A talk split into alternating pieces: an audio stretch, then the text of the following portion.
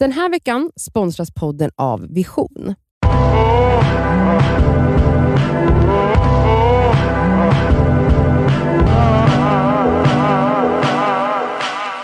God morgon, god morgon, hör fåglar sjunga glatt god morgon, god morgon. Det är ikväll. fredag. Vi har fått en fråga. Läs upp den. Hej! Jag har ett problem som jag väldigt gärna skulle vilja höra era tankar kring. Jag har varit tillsammans med min kille i tre år. Jag är 18 år nu. Vi har blivit som bästa vänner verkligen. Min största trygghet. Han har på grund av jobb flyttat 40 mil från mig och jag börjar känna hur tufft det är med distans.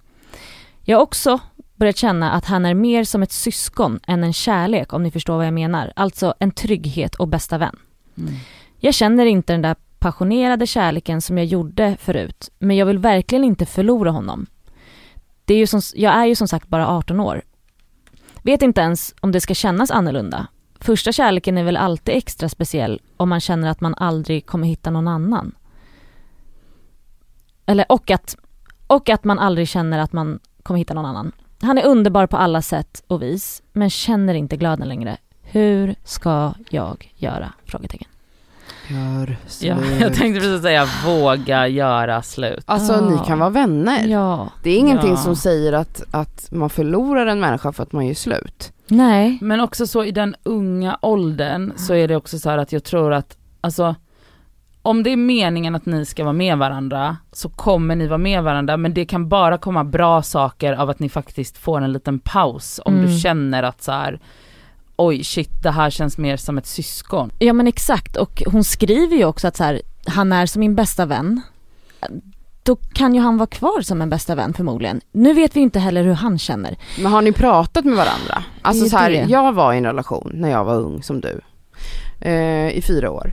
Och det kom också till en punkt där jag kände exakt så här. Det Mm. finns ingen glöd, jag kände ingen typ attraktion till slut. Vi hade inte sex, vi var som bästa vänner på Mm. riktigt. Vi var väldigt romantiska, alltså väldigt fysiskt mysiga med varandra som jag också kan vara med en bästa vän. Mm. Alltså så här, man kramades, vi pussades mycket, vi var väldigt kärleksfulla mot varandra. För att jag älskade honom, Ja, han älskade Mm. mig. Men det fanns ingen attraktion. Nej. Och då kände jag, och det här var ju någonting vi såklart, jag är ju också en kommunikatör, så att jag pratade ju väldigt mycket med honom om det. Mm. Det här är ett problem för mig, hur gör vi? Vi måste få väcka den här glöden, hur ska vi göra? Det går inte annars. Och det, nu levde inte vi en distans som de här gör, men jag menar kommunikation är ju jätteviktigt. Det är lätt för mig att säga gör slut. Har ni börjat med att prata? Har du Mm. uttryckt för honom att du känner så här? Att du oroar dig för att ni börjar glida isär, att det är svårt. Där börjar man ju egentligen. Mm. Prata med honom, säg exakt det du skrev till oss. Hur var det när du, när du kände så här för din pojkvän då när du var ung Cassandra? Var det så att han blev ledsen och rädd när du sa det för att han var väldigt kär och attraherad av dig fort, fortfarande eller? Alltså han, han höll ju, han kände ju, alltså vi höll ju, eller jag vet inte om han höll med mig om just exakt mina känslor men han förstod ju att det var ett problem som vi behövde jobba på. Mm. Ja. För att han ville ju också att vi skulle lösa det. Mm. Mm. Eh, så vi gjorde allt vi kunde för att vi höll på i ett år och liksom försöka lösa de bitar, den här eh, sexuella biten Mm. helt enkelt. Eh, men till slut så var det väl att det var nog jag som tog upp det men vi liksom gem- gemensamt gjorde slut, det var jättesorgligt, det var fruktansvärt, det var hemskt, Mm. alltså det var verkligen, för han var ju min person och precis som hon säger, det liksom var min första liksom, långa relation, vi, hade min första, vi flyttade hemifrån tillsammans, Mm. min första sambo. Din Eh, trygghet. Min trygghet, det var Ja. min familj. Mm. Och så här, fyra år, alltså så här, ja de hade varit ihop i tre år va. Mm. Alltså det är klart att så här, nu vet jag inte om de bor, ja men han hade ju flyttat nu. Mm.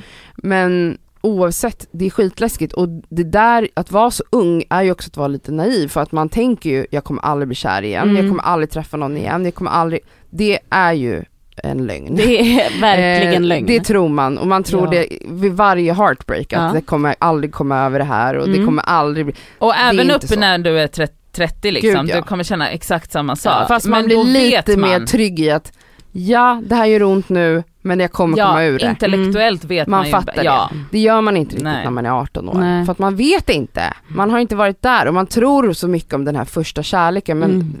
hur många är ihop med första kärleken Mm. hela livet? Det är Mm. väl en, en 0,1 procent Mm. som är det. Typ. Så att alltså, pra, ett, prata med honom. Han kanske känner samma sak, Mm. eller inte. Men oavsett så är det ett problem om du gör det och då måste ni försöka hitta någon Ja. lösning. Sätt en, gör en aktiv plan. Vad kan vi göra för att försöka reparera det som är För att få upp passionen i sådana fall, för jag menar det finns ju också, ska vi säga, även om vi, vår första spontana reaktion är gör slut, så Ja, är för ju jag tycker att folk kämpar på för länge Ja, utan att gör göra slut. Men att det också finns folk som faktiskt kan jobba upp passion igen. Absolut, Ja. det är inte helt omöjligt. Men du är väldigt, ni är väldigt unga, jag tror också att han, eller jag vet inte om han är så ung, men du är väldigt ung. Jag tycker inte att du ska vara rädd för att du inte kommer hitta kärleken igen, för Nej. det är bullshit. Så att absolut i sådana fall prata med honom och kolla om det funkar. Gör inte det, då måste du i alla fall få känna att det är okej för dig att börja med lite mjukt då, säg att ni har en paus Ja. över en månad eller något, ni inte ska höras. Du kommer bli kär i första bästa på ute på gatan. nej, nej men alltså, jag tror absolut att så här. Ni kan ju fortfarande vara vänner. Sen kan ju det, det kan också uppstå problem. Om vi säger att han har andra känslor för dig och blir svartsjuk om du träffar en ny, bla bla bla. Du vet, det, Ja. det, men det där kommer. Det känns också som att så här, om man kommunicerar med varandra och då blir det mer, alltså det, det är ju most likely då att vilket beslut ni än tar blir ett gemensamt beslut därför att då pratar ni om det hela tiden och ni är liksom i det tillsammans Mm. Om ni kommunicerar. Så att även om det, det kommer fortfarande vara sorgligt och hemskt om ni nu kommer fram till att ni ska göra slut, men då gör ni det tillsammans i alla fall och det finns något väldigt fint i det. Mm. Eh, men det går ju bara om, om du öppnar den lådan, alltså kommunikationslådan liksom. Mm. Och så här, som ni säger, så här, var inte rädd, du kommer att bli kär igen. Alltså det finns inga, det, det kan vi garantera. Jag tycker Mm. att det är värre egentligen att vara fast i något som, in, som gör en till slut olycklig. Ja. Än att typ så här, kasta sig ut i, i något ovetande. Mm. Alltså det är ju läskigare, det är tryggare såklart att stanna i, i det där även om det inte känns så soft. Det är ju tryggare för att Ja. man, det är bekant, man vet vad man håller på med. Men härligare i det. längden, nej. Men i längden, och sen också så här, så som jag resonerade då, när vi gjorde slut, alltså jag var väl, jag vet inte hur gammal jag var, 22 eller något sånt där.